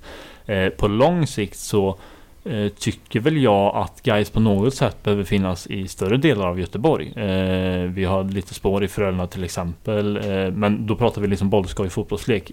Folk ska kunna idrotta eller förknippa sig med Gais på något sätt i mm. större delar av Göteborg. Eh, sen om det är liksom en, en, fotbollsaktivitet på fredagar eller om det är eh, inomhusträning för barn. Eh, eller om det är något helt annat CSR-projekt som inte har med fotboll att göra. Det kan inte jag svara på här idag men mm. vi behöver synas i fler delar av staden.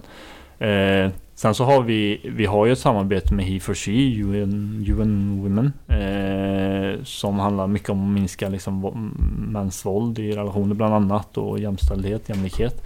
Eh, vi hade en föreläsning från West Pride för våra akademiledare. Vi hade en, eh, kallar vi det Pride-match? Jag kommer inte ihåg, men vi hade det bland annat med fokus på det. Eh, vi gick i Pride-paraden.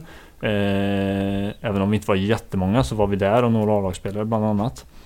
Eh, jag tror vi behöver göra mycket sånt. Eh, synas på många arenor. Det är alltid svårt med kontinuerliga liksom, arbetsinsatser som Gårdsten för det kräver personal. Liksom. Alltså, mm. Det är det korta svaret. Vi, vi har idag egentligen Räknar man bort folk som faktiskt jobbar på plats med aktiviteter så har vi ju kanske ingen som har ett uttalat CSR-ansvar på kontoret heller. Mm. Utan det har ju liksom ingått i viss mån i Sofias jobb att driva frågor och lite i mitt arbete, lite i Sebastians, lite i Mikael Lindström som är mycket på plats. Liksom.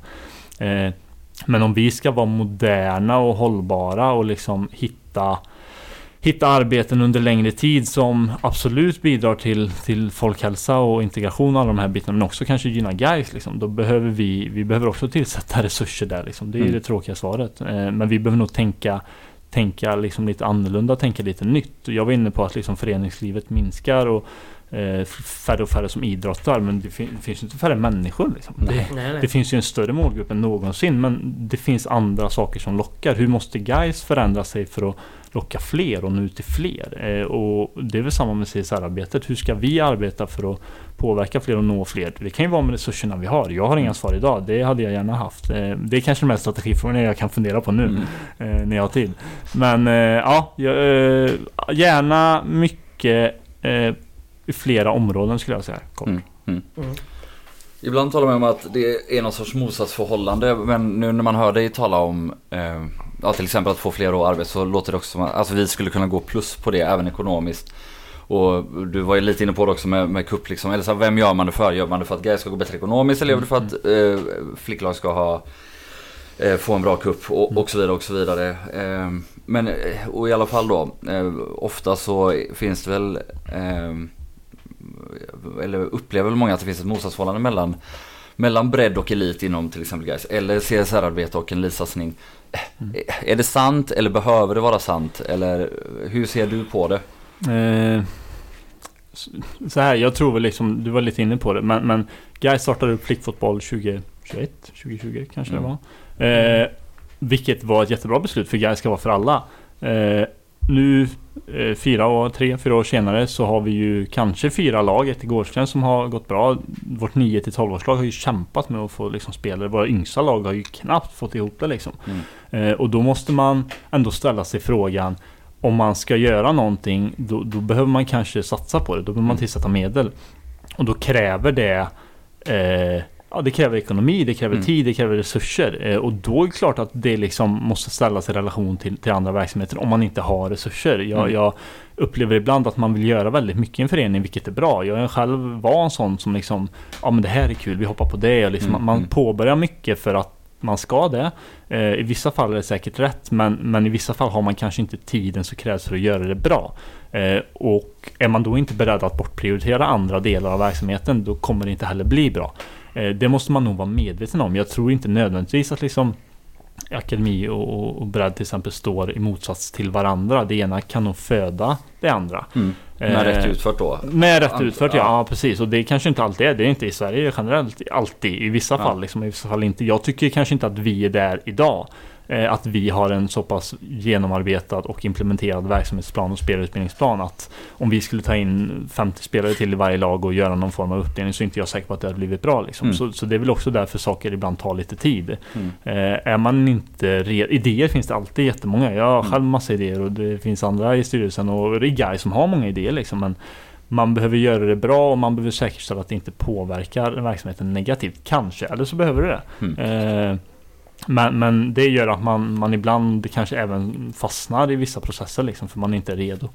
Eh, vad var frågan om de...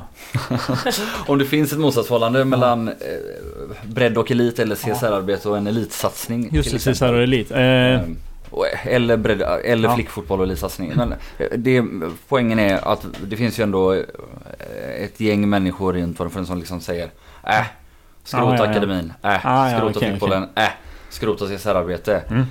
Ja, okay. ja, Ring Swedbank, ja. säg vi har ett elitlag i Allsvenskan, ja. ge oss 200 000, punkt. Alltså typ ja. slimma, strömlinjeforma och satsa bara på elit. Mm. Alltså så här, internationellt finns det ju klubbar, kanske till och med nationellt finns det väl klubbar som, som har en sån verksamhet som försöker att liksom ha, en, ha ett A-lag, kanske ett u liksom. jag, jag, Det är väl ganska genomgående att man inte arbetar så. För mig är det ganska såklart av en anledning. Jag har Eh, det finns otroligt många argument från ungdomsverksamhet till exempel. Mm. Jag tror framförallt att CSR ungdomsarbete, eh, breddfotboll, bidrar ju till väldigt mycket som en A-lagsverksamhet inte kan. Alltså mm. vi har ju som sagt, vi var inne på det, vi har hur många ideella timmar som helst. Tusentals ideella timmar från föräldrar under kupp i år som leder till ett ekonomiskt plusresultat.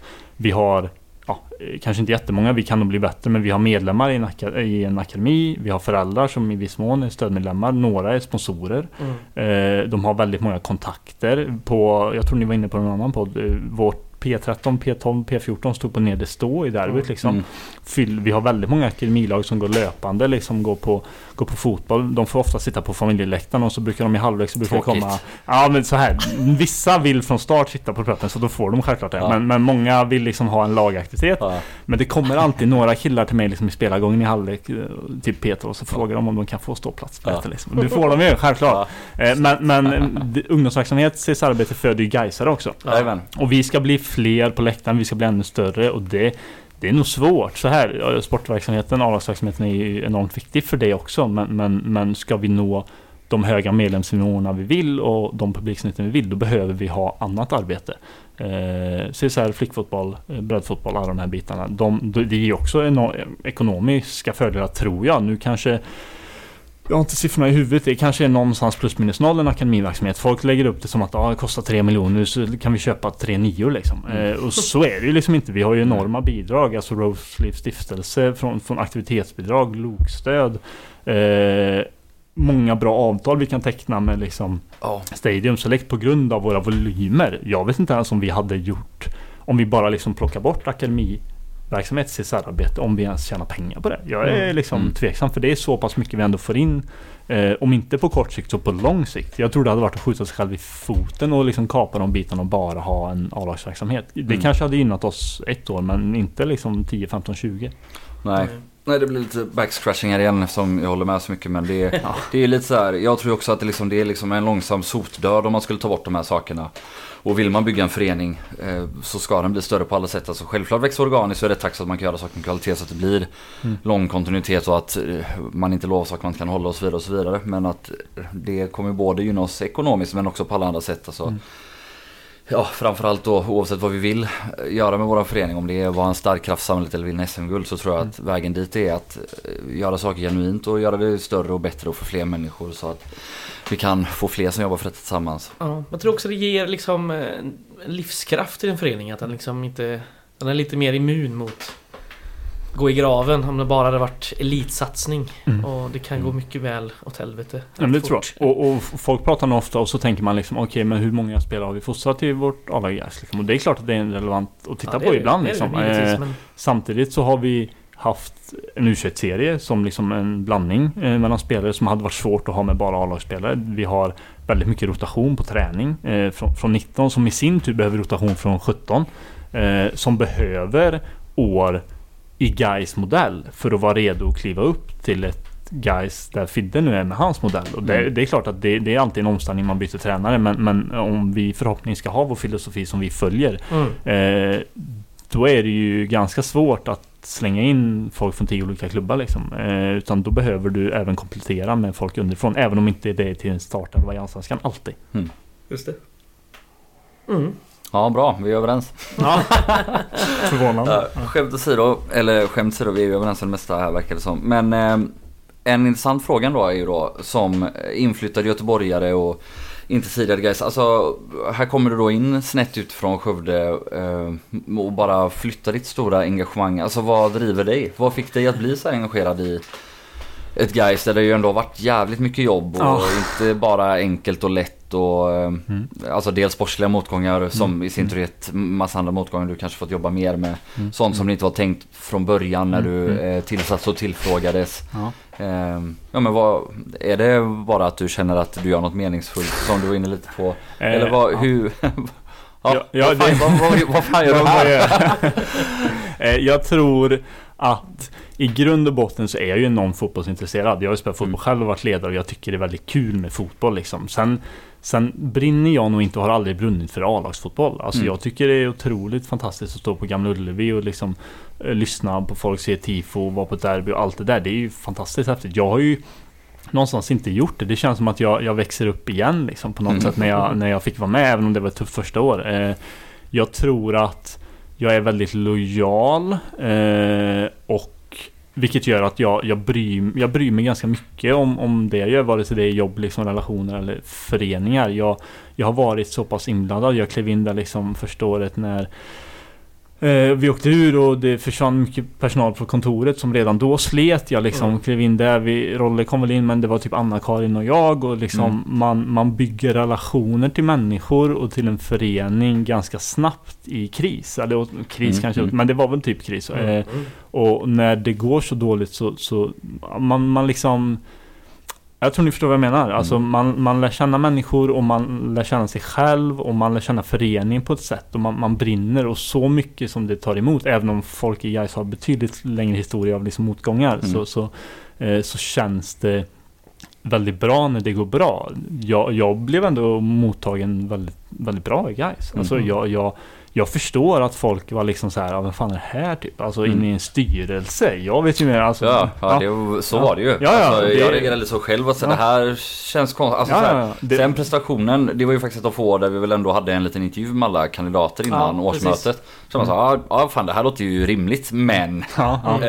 Ja, nej, men det, det är fullt förståeligt och jag, jag tror väl kanske att eh, mitt föreningsengagemang och min lojalitet eh, gör väl att jag ganska snabbt liksom hamnade rätt i Gais och då då, I och med att jag inte hade liksom någon elitfotbollsförening så kunde jag ganska starkt känna väldigt mycket för Gais. Liksom. Mm. Och jag, det har jag varit inne på i andra prat. Alltså, om vi ska bli större, då måste ju vi också öppna upp för liksom möjligheten att komma till Gais på olika sätt Mm. att liksom växa, födas i Göteborg. Eh, och jag hör väl ibland, tycker jag, jag hör folk berätta att ja, men jag var 20, 25 så började jag gå på Gais 2001. Liksom. Mm, Och alltså, mm. det, det finns många sådana. Sen kanske man då inte kliver in direkt i en styrelse, det kan jag köpa också. Men, men vägarna till Gais är nog väldigt olika. Min var, var, var ganska snabb.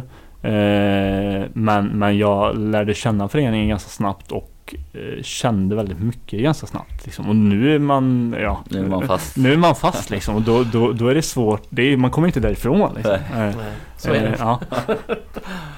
Ja men så relativt ny Gaisare då, vad, vad är Gais för något? Vad är Gais identitet? Förutom Oj. vårat, vårat frenetiska pressspel och ramstarka försvar.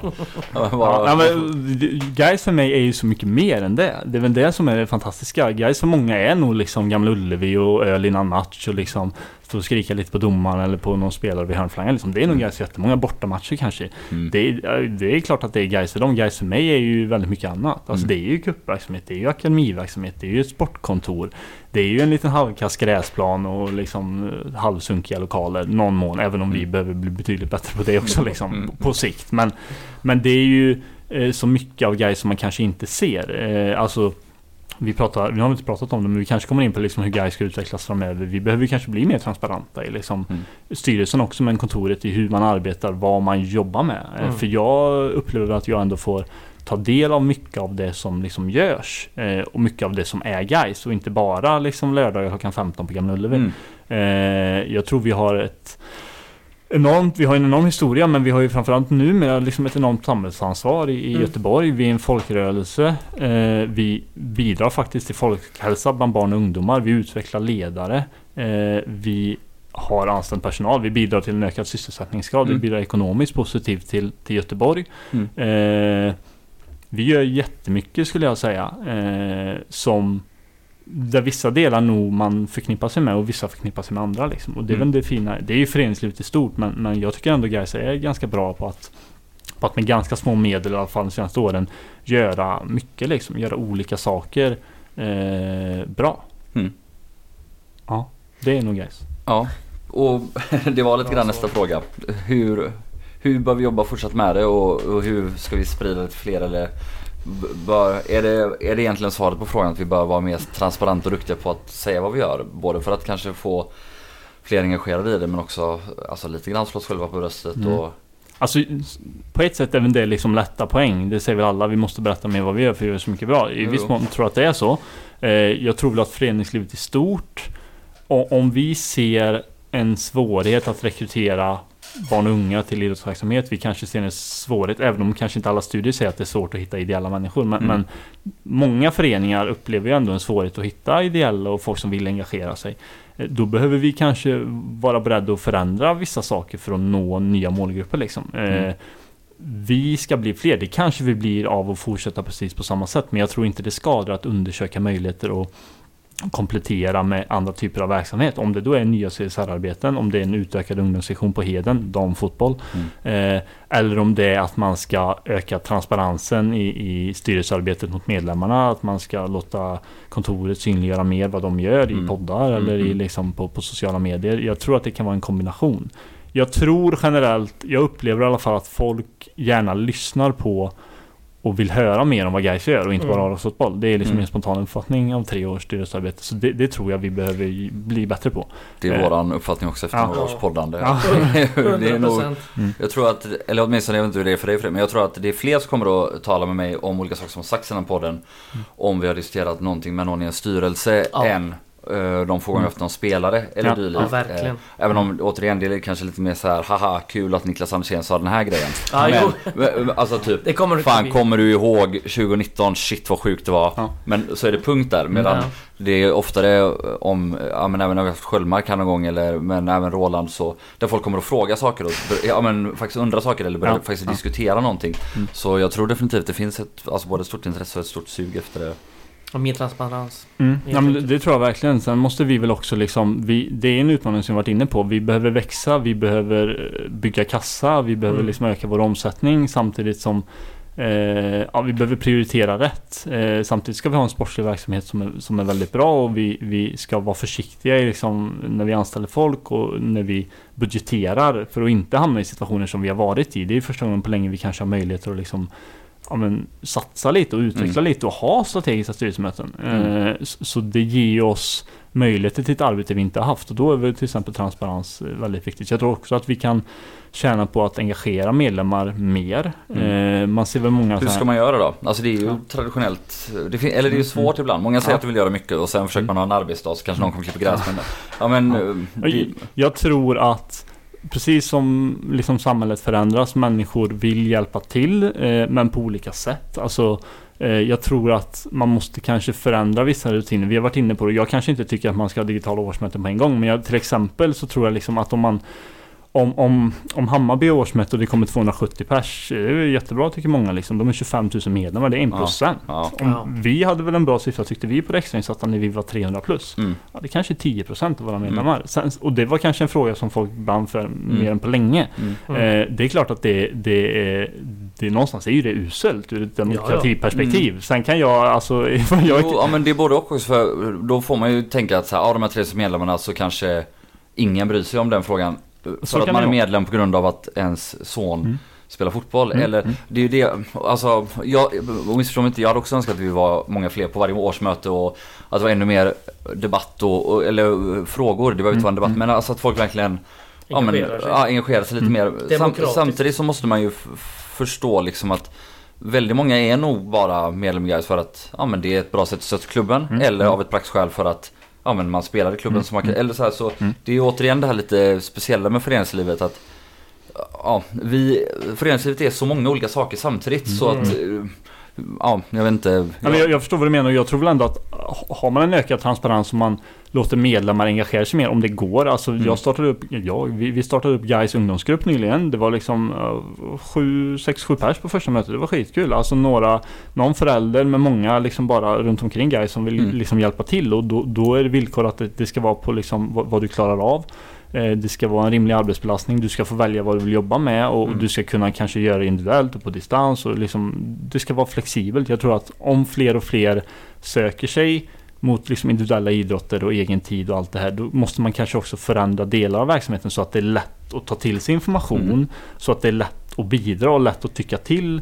Eh, att det inte är skitkrångligt att bli medlem kanske. Nu Mm. ska inte någon skugga falla över liksom de som jobbar med det. För det, det är snarare systemens fel kanske. Men, men vi behöver förenkla väldigt mycket i GAIS kombinerat med transparens. Då Mm. tror jag i alla fall att folk kanske eh, är villiga att försöka. Eh, sen så hör ju alltså någon studie sa att folk som engagerar sig ideellt, ungefär hälften hör av sig, ungefär hälften blir tillfrågade. Alltså, Mm. eh, Jag har gjort många timmar i Gais men det hade inte hänt om inte Anders Björklund hade smsat mig. Mm. Liksom. Eh, det skadar inte att fråga kanske. Mm. Så jag tror man behöver nog våga, både som styrelseledamot och också som kontor, liksom sträcka ut en hand och ta hjälp. Mm. Eh, någonstans så har man fått ett ansvar och liksom och representera Gais medlemmar och då är det klart att man inte i alla frågor kan liksom prata med människor men jag tror man om man ska vara transparent så måste man också låta folk tycka till och låta folk påverka fler och oftare än på ett liksom årsmöte i mars där hälften har barn att ta hand om och inte kommer kanske. Mm. Mm. Mm. Eh, ja. Jag var inte helt nöjd med svaret men det är en stor fråga. Ja. Det är en stor fråga. Det är det. Ska vi ta de sista två eh, punkterna? För vi behöver faktiskt runda av. Mm. Ehm, Mm. och det är ganska stora frågor dock. Ja. Det är väl de allmänt stora frågorna som gäller för eh, svensk fotboll eh, just nu. Dels är det 51%-regeln och dels är det Mm. VAR-frågan. Så vi börjar på 51%-regeln. Hur viktig är den för dig? Det hade varit upphängande om jag bara kände att nej nej nej. Ja, Den behöver Skit, den. ja, vi Efter, efter att ha hyllat föreningslivet i en timme nonstop eller en lång kärleksförklaring och sen bara slasha den på fem sekunder. Eh, 51%-regeln är viktig för mig. Den är, eller så här, den är ju framförallt viktig för föreningslivet och idrotts-Sverige och därför är den väldigt viktig för mig. För jag värnar väldigt mycket om det som det bidrar till. Eh, inte minst i tider som dessa. Det är klart att det är en utmaning internationellt om man liksom Mm. ska prata konkurrens. Men återigen, vilka finns vi till för? Om, Exakt. om, om vi Ja. verkar för en svensk fotbollspublik eh, så är det ju i någon mån kanske en icke-fråga. Eh, och då tycker jag att det är väldigt viktigt att vi har kvar föreningslivet så som det är. Eh, sen, jag sticker inte under stolen med att det är en utmaning att liksom ibland någon eh, konkurrera. Liksom, ja, vi kan ta Malmö också, det är ju samma villkor kanske på dem, även om de är väl också 49% bolagiserade. Ja. Ja. Eh, så, så är det klart att det är en utmaning att konkurrera med sådana enorma ekonomiska muskler. Men dagen vi kliver därifrån så, så, är, Så är det, det ju, över. då är det ju över liksom. Ja. Och, och, och, ja. Det är det korta svaret. Jag, jag, det är ju väldigt tur. Jag var ju inte så engagerad i fotbollsrörelsen när det här liksom Dels beslutades alltså 2007 var det på, ja, eh, på riksidrottsmötet. Eh, Men, men i efterhand så är man ju väldigt stolt över det och just nu så känner man ju väldigt starkt över det. Eh, Men det, det är ju avgörande för, för idrotts-Sverige och den verksamhet vi har idag. Det är det korta Vi svaret. kan väl fylla på med det här citatet från Noah Bachners bok, Den sista Mm. utposten. Jag fick här- den i julklapp, jag har inte börjat den. Alltså? Ja, Ja. där den, man läser den nästan på några dagar. Ja. Journalistskriven också, så alltså den är Ja. extremt lättläst. Ja. Den är väldigt bra också. Jag Vi läste tipsat ut om den ganska nyss Ja. och du tipsade om den tidigt här. Ja, precis. Ja. Man säger ju, vi kanske förlorade ute på planen, men vi utklassade alla i konsten att skapa en meningsfull fotboll. Och det är något, det är ju inte så objektivt här och så men, men jag håller med honom 100% alltså, alltså jag tycker verkligen att det är sant och det är det vi egentligen har pratat om här i en timme. För i Sverige, eh, i guys även i mindre föreningar men men den svenska fotbollen har en mening, eh, både som elitverksamhet och som breddverksamhet och allt däremellan. Alltså vi klarar att vara den här spelaren som faktiskt gör något annat än att bara finnas till för en tv-publik och det är väl egentligen Det är väl det mest fantastiska med allt. Att det är vår fotboll och inte någon annan som kommer från sidan utifrån. exakt. Det är bara att kolla på ett land som där fotbollen föddes i England liksom. Som alltid har haft att det har varit rika filantroper som kanske äger fabriker som sen tar över ett lag och, och liksom gör det för bygdens skull. Det, det är ett system som kanske funkar i ett gammalt klassamhälle i England på 1800-talet. Men som numera är något helt jävla annat. Mm. Det ser Ja. aldrig så ut längre i England. Det, det är bara konglomerat och Ja, rika utländska ägare. Ja. Och så vill vi inte ha det här, tycker jag. Det är min, min Ja. bestämda åsikt. Det är min bestämda åsikt också. Sen så tror jag liksom att det är viktigt att kunna särskilja på eh, att för eh, Gais och idrottssverige behöver ju nå fler liksom. Vi behöver Mm. nå nya målgrupper. Vi må- Ja. måste nå andra typer av människor. Då behöver man kanske förändra delar av verksamheten. Man behöver Mm, kanske göra vissa saker annorlunda för att nå dem. Eh, Mm. Jag brukar ha min sambo som referenspunkt. Hon är ju fullständigt ointresserad av fotboll liksom. Eh, hon ställer upp när jag tvingar henne att sälja 50-50 lotter på, på hemmamatcher typ. När någon förälder inte kommer. Men annars så är det så här. Ja, hon är nästan omöjlig att få med på fotboll. Och Mm. det kanske inte är vår målgrupp. Men, men det, det kanske Det är klart det är. Eh, ja, Det är ju Ja. super. så här, det, det, kommer, det kommer ju alltid vara svårt att få ointresserade människor att gå på fotboll, men det kanske vi klarar av. Mm. Eh, och eh, det är väl kanske möjligt att en, ja, eh, ta bort 51%-regeln hade gynnat dig. Jag vet inte. Men, men, Knappast ärligt Ja, talat. knappast, ja. men om vi tar henne som exempel. Mm. Hon skiter väl i om vi hade... För vi hade ju ändå inte nått... Vi hade inte lyckats med Messi som vi kanske hade fått så någon marginal. Utan vi hade blivit... Alltså vi hade kanske tagit någon placering på... Mm, mm. Vad är vi? 23 bästa ligan i Europa nu. Typ. Vi hade kanske blivit 21 eller 19. Förmodligen. Jag tror vi är 27 bara eller något. Ja, strunt samma. Skitsamma. Men vi hade, vi hade tagit någon plats där. Mm, mm. Det är inte så att vi hade fått världsfotbollen då. Nej. Så vi hade förlorat ett helt enormt stort värde som faktiskt gör oss unika. Eh, alltså att vi inte har VAR, att vi inte har Alltså även om nu då Malmö har, men, men ändå ja, via eget arbete i största mån liksom dratt ifrån lite. Mm. Men om man kollar också på fotbollen i stora Sverige så antagligen om 10 eller 15 år så kommer de inte vara så dominerande längre. Nej. Vi får se. Eh, men vi har ju liksom en helt unik konkurrensfördel här och den hade vi sumpat för, alltså en konkurrensfördel som ändå inte hade tagit oss någonstans i princip. Den hade kanske tagit oss en liten, liten bit på den här serien men vi hade ändå inte nått någon elit eller topp inom Europa. Så det är helt meningslöst för oss. Alltså även om man liksom skulle se det positiva sportsliga med Det- att kasta det bort det demokratiska. Dessutom jätte... Eh, det här exempel i vårt grannland Danmark som har... eh, De, de har ju dödat Ja. eh, Helt hälften av sina föreningar i Ja, princip. och det var ju häromdagen någon... någon eh, rik knös som skulle ta över, eh, Krösus heter det, som skulle ta över en dansk klubb och som visade sig vara någon sorts bedragare som har skojat om sin, eh, sin bakgrund och allting. Jag vet inte riktigt hur det, hur det gått för jag läste om det i Antagligen bra. tidningen häromdagen. Eh, beror på hur man ser det bra. Eftersom jag inte gillar Danmark. Min sambo är ju en fjärdedels dansk också. Det är, Det är lite sant. tufft. Ja, det är tufft alltså. Jag gillar inte heller Danmark. Nej, Men det det var tufft när vi torskade, var det i handbollen senast? Men, Ja. I förrgår. Bortdömda. Ja, det är Bortdömda. Herregud, det kokar i mig alltså. Domarjävel alltså. Ja, danskar. Inte ens i handboll är de bra domarna. Danskjävlar. Nej, jag tror väl också liksom, det, det tror jag, jag lyssnade på någon podd med Noah dock. Han sa kanske att han skrev det här i sin bok, han pratade om eh, poängsnittet för vinnandelagen. Att, Mm. att eh, Allsvenskan skiljer sig mot andra, eh, andra ligor där man har liksom applicerat, eller inte applicerat 51%-regeln för att det snittet ökar. Men, men Mm. en fördel med Allsvenskan är just att eh, Exakt, det är väldigt jämnt. jämnare. Ja. Exakt. Mm. Eh, och det tror jag också är viktigt för publiken. Ja, Eh, gud ja. Ja det är det verkligen. Ja, sista, sista punkten det är VAR. Och det har ju varit så att eh, Gårdakvarnen har ju gått ut och framförallt Gårdakvarnen men som har fått Gais att skicka in en anmälan till eller en, en uppmaning till Göteborgs fotbollsförbund. Motion. Motion, med. tack. Ja. För att mot, eh, motverka eller motarbeta VAR. Ja. Eh, Det var ju i tidningen också igår va? Mm. Tror jag det var. Mm. När han eh, Bert Andersson. Andersson, Ja. i Göteborgs fotbollsförening. som också är vice ordförande i Svenska Som han ska hoppa av nu va? Exakt, sista han har år. varit här 12 år. Mm. Ja.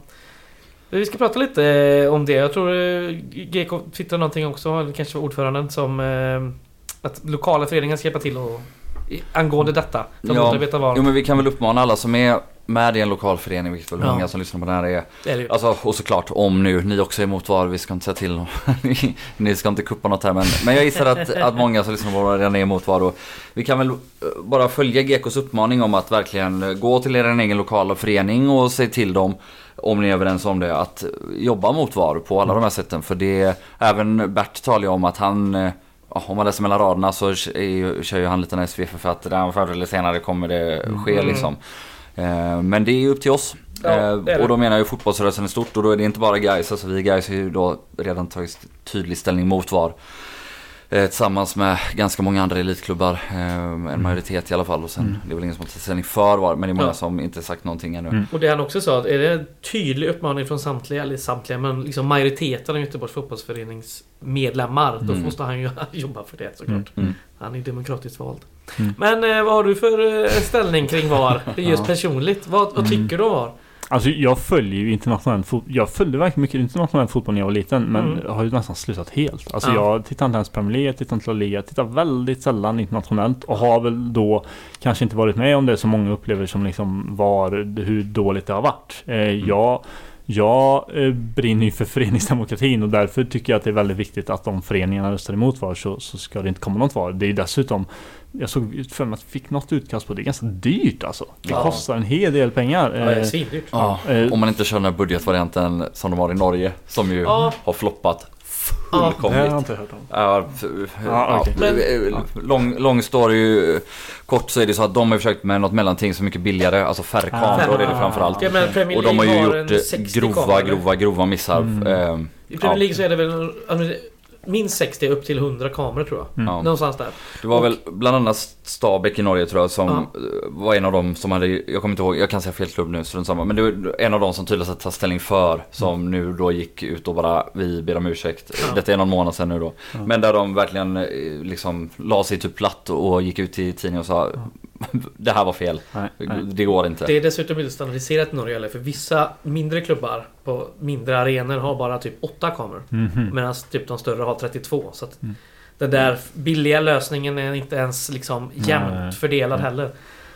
Eh, ja, sidospår. Ja. Ja, jag fattar. Och det, jag, så här, jag, jag har ju någonstans två åsikter. Jag kanske har en privat åsikt och jag kanske har en åsikt som, som Mm. styrelseledamot. Det har jag ju inte. Det är samma tack och lov. Men, Mm. men, och då gör det också då gör det också väldigt lätt att liksom, om, tycka så och, Mm. och, och hålla med medlemmarna.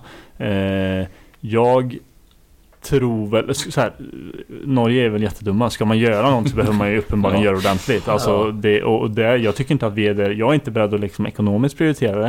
Eh, Nej. Jag tror inte det gynnar eh, fotbollen. Alltså det kommer inte gynna publiken på plats. Nej. Framförallt det kanske... Det. Eh, I någon mån tycker väl någon att det gynnar dem på tv-upplevelsen. Men det tror jag inte heller egentligen. Och, och, och framförallt återigen. Ja, tv-pengar är väldigt viktiga. Men Allsvenskans unika ställning bygger ju mycket på publik på plats. Och att Mm. den, liksom, den levande atmosfären som finns där. Och det är klart att vi med de enorma SEF-pengar vi får tv-pengar måste ha en attraktiv produkt även på tv. Alltså så är det. Men vi måste värna om publikläktarkulturen och det, det gör vi inte med VAR. Nej. Bra. Härligt. Ja. Vi har en lyssnarfråga. Ja. Ehm, en enda. Ja. Och där får du då svara på som representant för styrelsen. Ja. Men ehm, ja, det är helt enkelt frågan om ehm, att ni anställer er själva så att säga med både Sofia och Povel. Är det Ja. problematiskt eller är det helt självklart eller?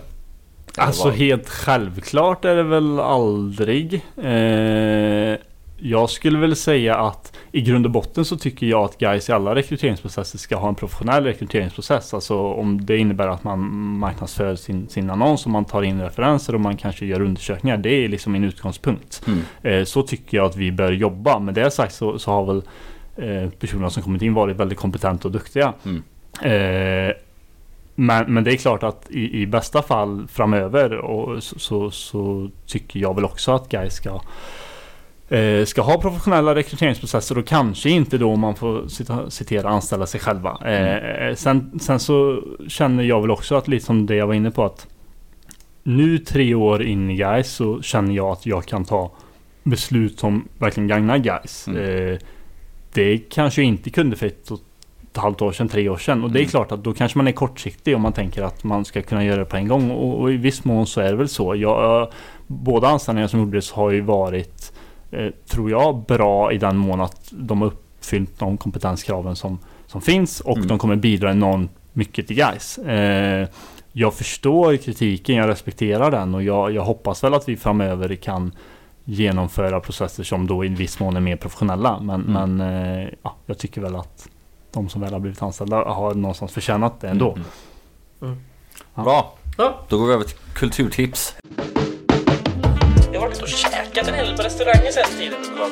Netflix igen. Ja, I så fall får jag väl tipsa om eh, en bok. Bäst movie ever made sen var den är inte så jävla bra. Ja, kulturtips låter väl skittrevligt. Och vår gäst får givetvis börja med Oj. sitt kulturtips. Det är så vi brukar göra, tror jag. det Ja. känns som att det Från och är med nu annars. min idé varje gång, men jag vet inte om det faller ut. Jag har ju bara ett tips nu liksom. Ni har ju varje vecka så jag måste ju ha något väldigt bra tips här nu. Det säger alla Eh, gäster faktiskt. Ja, det... Men... Men det är eh, så många lyssnare som säger att de stänger av när de hör kulturtips. Ja, jag kan tänka Det mig. är Jag- inte så många, det är typ Marty va? Eh, första kulturtipset är väl att engagera sig i din lokala förening. Eh, och eh, gärna rösta emot VAR då. Och om det är någon annan röstning som, som gynnar föreningsdemokratin. Det, det tror jag är väldigt viktigt. Och i Gais, du kan göra både och. Det Ja. kan ju alla. Eh, jag ska väl passa på att tipsa om en podd, Allt du velat veta. Mhm. Fritte Fritzson eh, kör ju På spåret nu. Just det. Vann väl i fjol tror jag. Eh, han har ju en podd, Alltid velat veta, eh, som, som är Han har dels en fem minuters variant och så har han en längre variant som är informativa. Det handlar om allting. Det kan vara liksom 55 minuter om Stockholms blodbad och så Mm. kan det vara 40 minuter om Noah Bachner var där och pratade föreningsdemokrati Mm. typ. Eh, han, allt möjligt och man kan liksom välja det man vill lyssna på. Den, eh, efter man är klar med Radio Rantorget kan man, kan man lyssna på det. Snyggt. Ja. Eh, ska jag ta innan du får avsluta? Eh, jag har sett på TV igen. Eller TV, det är väl streaming, eh, streaming jag har sett på. Det är inte TV. Jag har sett på HBO. Det finns ehm, den senaste säsongen av Fargo om ni har sett den. Det är ju baserat eh, på på filmen med samma namn från tidigt 90-tal tror jag. Eh, det är bröderna Coen och vi har ju Peter Stormare med bland annat. Spelar ju en riktig jävla skurk där. Kidnappningsdrama i Minnesota. Baserat på eh, verkliga händelser. Och det är ju samma med serien. Eh, säsong 1 är ju rakt av liksom eh, filmen. Men, ja, lite utsvävant då. Men senaste säsongen, jag tror det är eh, säsong 5. Det har ett avsnitt kvar som kommer i den kommande veckan.